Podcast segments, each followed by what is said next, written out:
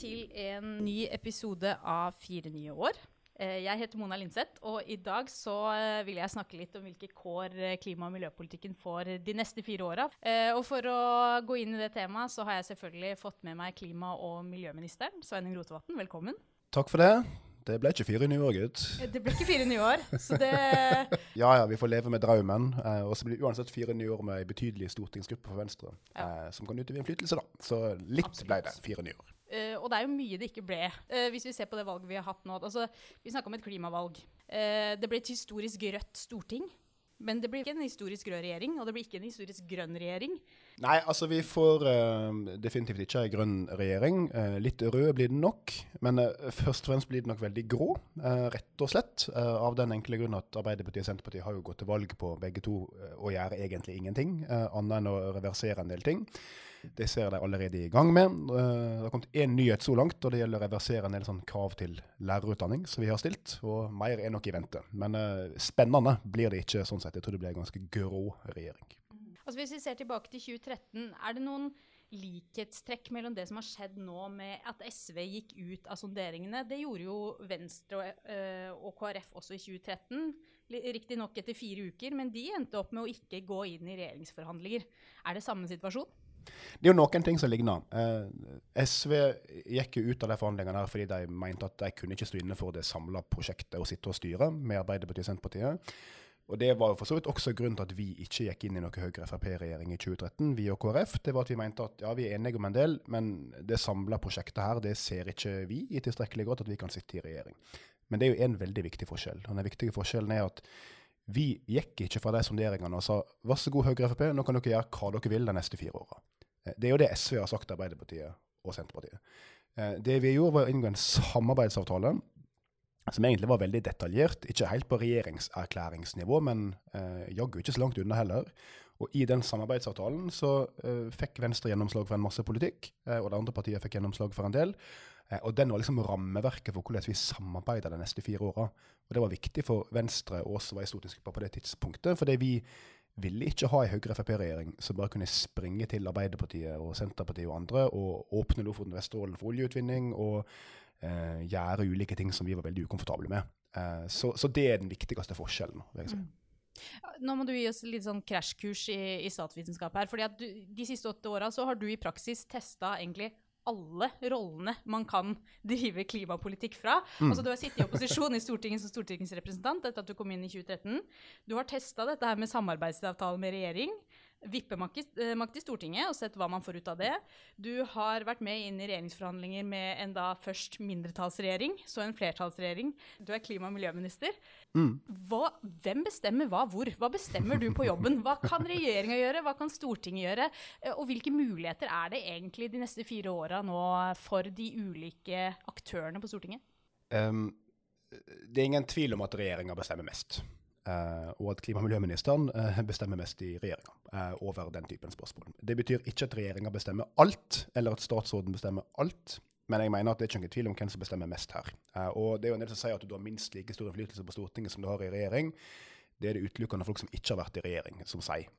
Fordi når en sitter i regjering, så ser en jo hver dag hvor enormt mange beslutninger, små og store, som en tar, som aldri blir noe særlig oppmerksomhet rundt, eller som av ulike grunner ikke ender opp som store politiske debatter, men der bestemmer du. Eh, Og så har du jo i regjering også et betydelig manøvreringsrom i Stortinget som regel, kan danne litt ulike flertall.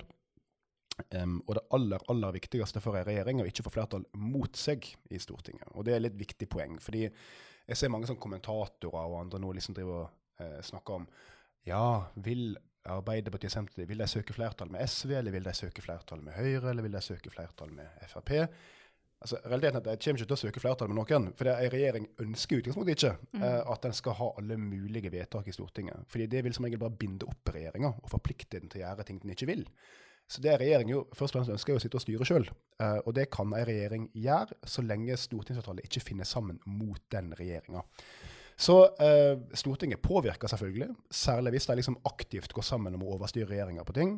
Um, så det er på ingen måte ubetydelig å være på Stortinget. Men du har rett og slett så enormt mye mer maktmiddel til din disposisjon som statsråd i en regjering. Du har initiativrett, du har et enormt embetsverk. Uh, og det er rett og slett du som må gjennomføre ting i praksis. For det er ganske mange eksempel på ting Stortinget har vedtatt de siste åtte åra, for ikke å si de siste 50 åra, som aldri har blitt noe av. Rett og slett fordi at det har sittet en eller annen statsråd eh, og trenert. Og latt være å gjennomføre det. Latt være å sende ut forskriftene, latt være å bevilge pengene som trengs. Nå har selvfølgelig jeg aldri gjort det, eller vi i Venstre gjort noe sånt, men, men uh, det er likevel litt der dynamikken ligger, da. Mm. Uh, så uh, hvis jeg kan velge helt fritt, vil jeg selvfølgelig sitte i regjering og gjennomføre politikk. Ja, for nå vil det ikke sitte noe miljøparti i regjering, men til gjengjeld så vil man ha flere miljøpartier i Stortinget. Altså, Er det ikke mulig for dem å da bare gå sammen og rotte seg mot regjeringa? Mm. Kan ikke bare man peise gjennom klimatiltak etter klimatiltak? Nei, det kan du ikke. Uh, og jeg ser del som mener at det må en bare gjøre, men da må du først lære deg å telle. Uh, det er én uh, ting som betyr noe på Stortinget, og det er å klare å telle til 85. For har du tallet 85, da har du flertall på Stortinget. Og Venstre pluss SV pluss MDG pluss Rødt, selv om jeg mener at Rødt er ikke noe miljøparti, har ikke 85 stortingsmandat. Det betyr at vi kan ikke bare bli enige om ting, og så blir det sånn. Uh, og for å ta et eksempel da, altså, vi, vi, kommer sikkert til å være enige om en del ting i den perioden. her. Det kan godt hende at vi i Venstre, SV, MDG kanskje vi fremmer noen felles forslag. Kanskje fremmer vi et felles representantforslag om å ta bedre vare på natur. Det gjør jeg gjerne. Men det som kommer til å skje, er jo at da kommer Arbeiderpartiet og Senterpartiet sammen med sannsynligvis uh, Høyre og Frp i Stortinget til å si at nei, det vil vi stemme ned. Og så stemmer de det ned, og så er du like langt. Så eh, jeg er veldig for at både Venstre og andre partier samarbeider med hverandre, også i, i mindretall på Stortinget, men, men, du får ikke noe gjort på den måten. Skal du få noe gjort, så må du kunne telle til 85. Hvorvidt man definitivt da er et miljøparti eller ikke, det, jo, det får jo hvert parti bevise sjøl. Men eh, det er jo ikke heller sånn at dette er et spørsmål om er man for eller imot klimatiltak. Eh, debatten er jo mye lenger enn det. Og selv om man har fire klimaparti på Stortinget, så er vel også de ganske uenige innad seg imellom hvilke tiltak og hvordan klimapolitikken skal drives fra staten? Ja, vi er uenige om mange ting. Uh, og selv om klima og miljø er den aller, aller viktigste saka også for meg, så mener jeg også at andre saker betyr noe. Uh, og hvis vi skal sette det litt på spissen, da. Ok, Si jeg har valget mellom to ulike regjeringer, der den ene er for eh, 2000 kroner i CO2-avgift, og den andre er for 2100 kroner i CO2-avgift så mener jeg at 2100 kroner CO2-avgift er best for klimaet. Så jeg vil i utgangspunktet velge det. Men hvis jeg i tillegg får si opp EØS-avtalen, slutte å ta imot flyktninger, eh, slutte å stille krav til lærere, eh, la være å gjennomføre rusreform, veldig mange andre ting, da er ikke jeg sikker på om jeg tar den dealen likevel. Eh, og sånn er jo politikk. Det er jo en pakke en må bli enige om. Eh, og politikk er, det er jo hele samfunnet. Uh, og jeg har sittet på regjeringskonferanser nå i uh, snart to år. Uh, og på en regjeringskonferanse, som jo liksom, det er regjeringa møte der en bestemmer ting, som vi har en gang i veka, så er det typisk kanskje si 70 saker til behandling. da. Og det er kanskje fem av de som har noe med klima og miljø å gjøre. Og det er jeg selvfølgelig veldig opptatt av. Men jeg bryr meg jo om det andre 65 også.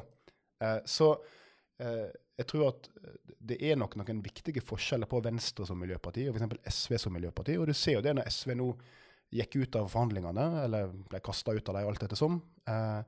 så sier de jo ikke bare at problemet er klimapolitikken. Det sier de også, og det tror jeg de på. Men de sier jo også at problemet er at de ikke fikk med seg Arbeiderpartiet og Senterpartiet på å stoppe velferdsprofitørene, som de sier. Eller slutte med private barnehager, som det også betyr. Så også de bryr seg nok om litt andre ting enn miljø, og det syns jeg for så vidt er bra at de gjør. Fordi eh, det er mange ting som er viktig i politikk. Ja, men Kan du på andre sida si da at, at Venstre har vært for eh, kompromissvillig? At vi har jo også ønska å gå lenger i klimapolitikken, mm. f.eks. i de årene som har gått. Vi mener at dette ikke går fort nok. Burde Venstre ha gjort sånn som SV, og heller sagt at nei, vet du hva, denne pakka totalt sett er ikke god nok for oss, og, og heller jobbet fra Stortinget? Kunne vi fått mer igjen der? Nei, jeg mener du kan ikke få mer igjen i Stortinget. Det, det vil du på en måte aldri få. Eh, det er mer en vurdering av eh, er vi villige til å betale den prisen som følger med å sitte i regjering og tape ganske mye oppslutning på å føre en halvdårlig politikk. Fordi det å gå i regjering er jo alltid avveining mellom kortsiktige gjennomslag og langsiktig gjennomslag. Og langsiktig gjennomslag det betyr vinne neste valg. Altså du må, e, Ethvert parti vil alltid når du sitter i regjering, forsøke å også gjøre et rimelig greit valg neste gang. Rett og slett for at du må kunne jobbe mer enn fire år. Så det er alltid en vurdering av de to. da. Uh, og uh, der har jo tydeligvis SV gjort en vurdering at de kortsiktige gjennomslagene ikke er gode nok for at de klarer å overleve som parti. Uh, og eh, jeg ville jo også gjort en sånn vurdering hvis jeg mente at her får vi så lite igjen på klima. Hvis jeg mente at vi fikk så lite igjen på klima og miljø på Granavolden at det her kom ikke til å bære for Venstre, så ville ikke jeg anbefalt at Venstre skulle gå i regjering. Men jeg mener også at dersom en kom til et sånt punkt, da ville jeg meint at OK, da må vi fristille oss og se om vi kanskje skal samarbeide med andre parti. For jeg mener at en bør ikke sitte og passivt støtte en eller annen regjering du er mot, eh, og som fører en dårlig politikk. Da må du være åpne for andre muligheter. Så om vi hadde kommet så langt at denne regjeringa førte en så dårlig klima- og miljøpolitikk at Venstre ikke kunne stå for det, da burde vi gått ut av regjering. Men da måtte vi også vurdert å se oss som et helt andre samarbeidspartnere, mener jeg. For da er du på, på et sånn grunnleggende nivå at du ikke kan stå for politikken lenger. Der er vi heldigvis ikke. Eh, og i den regjeringa vi har nå, så mener jeg jo at det at klimagassutslipp har gått ned i fem år på rad, at vi har verna en rekke sårbare havområder mot oljeutvinning, at vi har holdt fast på elbilfordelene, dobla investeringene i kollektivtrafikk, alt det vi har gjort på klima, det har eh, betalt seg. Det har vært eh, gode nok gjennomslag. Og interessant nok da, så ser det ut til at velgerne er enig i det. Det er altså bare ett parti på borgerlig side som går fram med det valget her. Det partiet er Venstre. Både Høyre, Frp og Kristelig Folkeparti har blitt straffa av velgerne sine. Vi har blitt belønna av velgerne våre. Så eh, om, om, det er noe som er en test på at du har fått nok gjennomslag, så må det jo være det. Og det som er interessant, da, er at det er en jernregel i politikk, ikke bare i Norge, men i alle land, at parti som går i regjering, de taper oppslutning. Det er liksom tyngdekraft. Det er nesten helt umulig å gjøre noe med det. Det skjer nesten aldri. Men med noen få tilfeller så skjer det. Eh, til og med med et juniorparti i regjering. Og i de få tilfellene i Norge så er det Venstre det skjer med. Vi har gått til valg to ganger som regjeringsparti i vår moderne historie. 2005, 2021. Gikk fram med begge valgene. Det er det ingen andre som gjør. Og jeg tenker at Det viser selvfølgelig noe om gjennomslagene vi får, og så viser det litt at vi er flinke til å drive valgkamp. Men jeg tror også det viser at velgerne til Venstre um, er komfortable med at vi tar ansvar. For Vi er ikke et sånn populistparti som lover helt umulige ting eller skaper fullstendig falske forhåpninger. Vi har realistiske krav, står på for dem. Og det tror jeg velgerne våre ser, og de var villige til å gi i hvert fall oss en ny sjanse. da. Eh, så var ikke de villige til å gi de tre samarbeidspartiene våre en ny sjanse, og sånn er det. Derfor ble det et annet flertall. Eh, men jeg tenker at det viser at vi må være eh, åpne for og villige til å ta ansvar i framtida også, for det viser seg at det liker velgerne våre. I denne perioden så har vi jo hatt noen meningsmålinger som har vært ganske utfordrende. Eh, ja, ja, ja, men meningsmålinger, det men det viser at det, liksom, det, Hva skal vi si, at Venstre har jo kjent på et visst press mm. som juniorpartner i en regjering, eh, og ikke minst også i et samarbeid, så er dette krevende. Og når vi nå ser at SV går ut etter så få dager, eh, blir det for tungt når dette ansvaret i stor grad skal dras av de små? Jeg syns i alle fall at mye av kritikken f.eks. på klima og miljø har jo en tendens til å bli retta mot miljøpartier fra f.eks. miljøbevegelsen. Uh, og det må jeg jo innrømme har irritert meg mange ganger, også i regjering. Uh, for miljøbevegelsen har selvfølgelig helt rett til å kritisere ting som ikke er godt nok, avgjørelser som er dårlige. Um, men jeg tenker at de bør jo også stille noen krav til Høyre, uh, til Arbeiderpartiet, til Senterpartiet, til det som tross alt er de store partiene, om at de også må ha en anstendig miljøpolitikk. Og at ikke bare liksom, Venstre, SV og MDG får ansvaret for at all miljøpolitikk skal vi ordne opp i. Altså, Vi har jo det som vår viktigste sak, så det er klart vi prioriterer det høyt. Men det går nok en grense også for hvor mye politisk tyngdekraft du klarer å flytte. Eh, vi har hatt 4,4 oppslutning, um, og vi gjør alt vi kan med det. Men, uh, men, men noen grenser vil det gå. Det jeg syns er litt påfallende med det som har skjedd nå med disse regjeringsforhandlingene, er jo at det bryter sammen så fort. Altså, Det har jo så vidt satt seg ned i stolen, og så reiser SV seg og går. Og jeg tenker Det spørsmålet jeg må stille seg da, er jo var det noen gang egentlig realisme i det SV drev og lovte i valgkampen. For de visste jo veldig godt hvem de skulle forhandle regjering med. De visste at det kom til å bli med Arbeiderpartiet og Senterpartiet, i alle fall. Og de visste hva klimapolitikk de partiene sto for. For for så vet de at Arbeiderpartiet og Senterpartiet stort sett konsekvent foreslår å svekke dagens regjerings klimapolitikk, ikke styrke den. Um, og Likevel springer SV rundt og bruker hele valgkampen på å si at nå skal vi få et ordentlig klimaløft, bare folk stemmer SV. Eh, det eneste folk har fått ut av å stemme SV, er Arbeiderpartiet-Senterparti-regjering. Um, Nå får vi nå gi deg en sjanse, da, men som etter alle solemerker kommer til å føre en dårlig klima- og miljøpolitikk, og en dårligere klima- og miljøpolitikk enn det denne regjeringa fører. Så det SV må svare på da, i og for seg MDG og andre, er jo hvorfor setter dere da inn denne regjeringa? Fordi Arbeiderpartiet Senterpartiet har ikke flertall på Stortinget. De tiltrer ikke fordi de har flertall, de tiltrer fordi SV og MDG og Rødt lar dem tiltre. Og jeg tenker at Du har et ansvar for, når du feller regjering, hva regjering som tiltrer som alternativ. Og det ansvaret det syns jeg at de hele rød-grønne side skal nok få lov til å føle litt på de neste åra, Mm. rett og slett. Hva blir rommet for Venstre her, da? Eh, Fra opposisjonsrolle? Nei, Det blir jo nettopp det, å være et tydelig opposisjonsparti. Um, sånn er det. Vi har tapt et valg. Um, og uh, vår jobb nå blir å stille uh, den nye regjeringa til ansvar. Um, vise fram hvor de svikter. Forhåpentligvis heier fram der de lykkes. Jeg er ikke for å være kritisk for å være kritisk. Hvis de gjør noe bra for miljøet, så skal jeg være den første til å bejuble det. Uh, men forventningene er nok spent relativt lavt fra min side ut fra hva de har lovt. Uh, og da må vi være et tydelig alternativ. Um, og når og hvis ei Arbeiderparti-Senterparti-regjering nå skal begynne å uthule CO2-avgifter, gi nye unntak, alt det der, så må vi si tydelig fra at det her er det som skjer når en stemmer rød-grønt. Den blå-grønne regjeringa med Venstre i spissen førte en annen klimapolitikk. Hvis de nå skal begynne å drive klappjakt på rovdyr i Norge, som alle er på rødlista, må vi vise fram at vi førte en ansvarlig rovdyrpolitikk, mens de fører en politikk for utrydding av sårbare dyrearter. Igjen, Jeg håper jo ikke at de gjør noe av det her, men jeg tror det kommer til å skje. Eh, og da må vi vise veldig tydelig fram alternativet. Så vil det jo forhåpentligvis være noen tilfeller der vi kan være med å påvirke. da, altså Det er en mindretallsregjering, så vi må jo bare jobbe i Stortinget om å samle flertall mot den regjeringa i enkeltsaker. Skal litt til. Da må vi ha veldig mange partier med på laget, fra Frp til Rødt. Men eh, Pasientfokus? pasientfokus, ikke minst. Det er jo litt interessant med pasientfokus, for eh, det er jo interessant i seg sjøl når du får inn eh, liksom enkeltsakskandidater på Stortinget. Det skjer jo nesten aldri. Men i det tilfellet så er det faktisk en sak vi er enige med deg i. altså, de, de er jo for å bygge ut Peter sykehustjeneste i Alta. Det er vi òg. Ja. Eh, så der kan vi finne sammen, da. Um, men, eh, men realiteten er uansett at det skal mye til å danne flertall mot den regjeringa som nå kommer til å tiltre. Men vi skal jobbe hver dag for å få det til likevel. Og så får vi bare jobbe så godt i de komiteene vi kan, og vise fram Venstre tydelig. Og vi har jo egentlig en god mulighet, da, fordi at nå har jo vi Altså, let's face it, Vår kamp i den valgkampen det har jo vært for å overleve som et stort nasjonalt parti. Ja, Det, det, som du selv var inne på, Mona, så var jo meningsmålingene var ikke på topp. Vi skjønte at det her var krevende. Vi skjønte at det skulle mye til for at regjeringa ble gjenvalgt uansett. Så det handla jo om at Venstre skulle få ei betydelig gruppe eh, og komme godt over sperregrensa. Det klarte vi.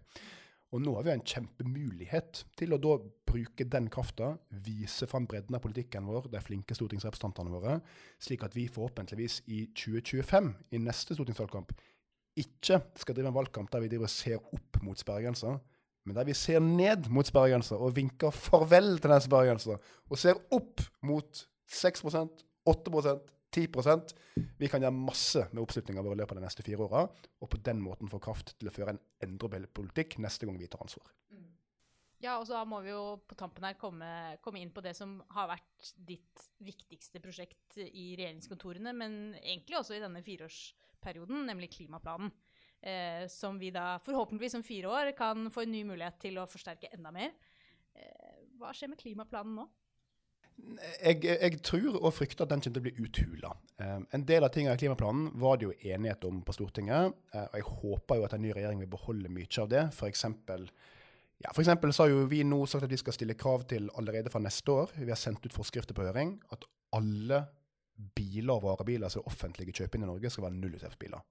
Eh, Det var jo Senterpartiet imot, men jeg håper og tror kanskje at det er en kamp de taper mot Arbeiderpartiet. For Arbeiderpartiet var for. Så en del sånne ting håper jeg at vi får gjennomført uansett. Eh, Jeg er nok mest bekymra for CO2-avgifta, for den er en veldig viktig del av klimaplanen, og den sender tydelige signal til næringslivet hva det skal koste å slippe ut, slik at det lønner seg for dem å investere i alternativet. Nullutslippslastebiler, fornybar energi, hva det måtte være. Der har både Arbeiderpartiet og Senterpartiet gått til valg på å uthule den. F.eks. med å ha billigere bensin i distrikter, hvor nå det måtte være. Det har ikke de sagt noe om. Eh, F.eks. å unnta ulike næringer i det hele tatt for å betale for utslippene sine. Det frykter jeg kommer til å skje. Eh, Men da håper jeg da at kanskje SV i budsjettforhandlinger kan stå opp for den saken. Det hadde vært bra. Um, for realiteten er jo at vi har ikke råd til å svekke klimaplanen. Klimaplanen vil ta oss i mål, men for hver tonn du fjerner fra den, jo vanskeligere blir det å komme i mål med klimamålene våre. Så uh, det her er et område der vi bare må følge den nye regjeringa med argusauge, sørge for at ting blir fulgt opp, og rette ramsalt kritikk mot dem hvis de, og når de, svikter. Slik at vi kan ta makta igjen og sørge for at en faktisk gjennomfører ordentlig klimapolitikk i det landet. For det har jo vært Venstres viktigste jobb i regjering. Eh, vi har lykkes bra, utslippene går ned. Eh, men eh, det er en ganske stor jobb som skal gjøres i framtida også. Altså. Eh, og vi er, vi er klare til å gjøre den jobben. Og vi får forsøke fra Stortinget å påvirke alt vi kan, og komme oss i regjering igjen når velgerne gir oss muligheten til det. Mm. Ja, og min store bekymring med at det ikke er et miljøparti i, i, i, regjering, er jo nettopp dette punktet som var så viktig for oss i klimaplanen. At dersom vi ser at vi ikke når målet Klimaplanens tiltak skal i utgangspunktet nå målet. Mm. Men hvis vi ser underveis at dette ikke er nok, så var det et viktig punkt der om at da skal man trappe opp med flere tiltak og fylle på. Fordi målet er viktigst. Absolutt. Og det at det sitter et miljøparti rundt bordet i regjering, det skal du ikke undervurdere viktigheten av. Det er kjempeviktig, litt treff det jeg sa i stad, at en regjering har enorme muligheter til å ta initiativ, styre debatten, fremme forslag og trenere forslag de ikke liker. Men det bestemmer jo regjeringa som kollegium. Eh, og når eh, ingen rundt det bordet der primært er opptatt av miljø, Eh, og de som sitter rundt det bordet der, heter Trygve Slagsvold Vedum, Ola Borten Moe, Jonas Gahr Støre, den gjengen der. Så er det grunn til bekymring. Eh, sånn er det bare. Eh, men eh, vi er et demokrati. Nå var velgerne lei av oss, de ville ha noe nytt.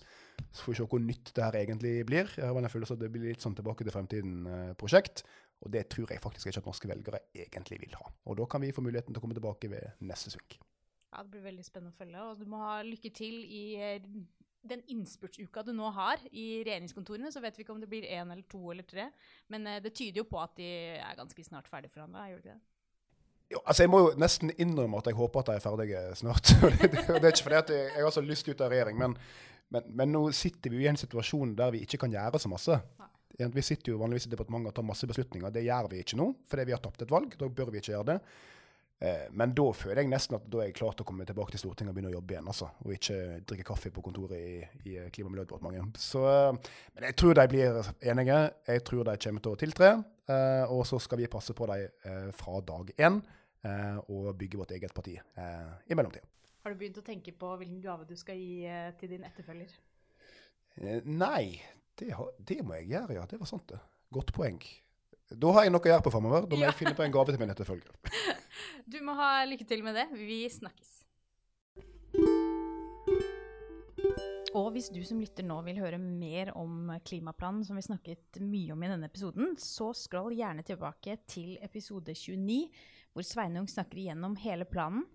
Og episode 30 med Ola Elvestuen, hvor han tar oss med inn i kulissene. For hvordan blir egentlig en så omfattende klimaplan til? Vi høres.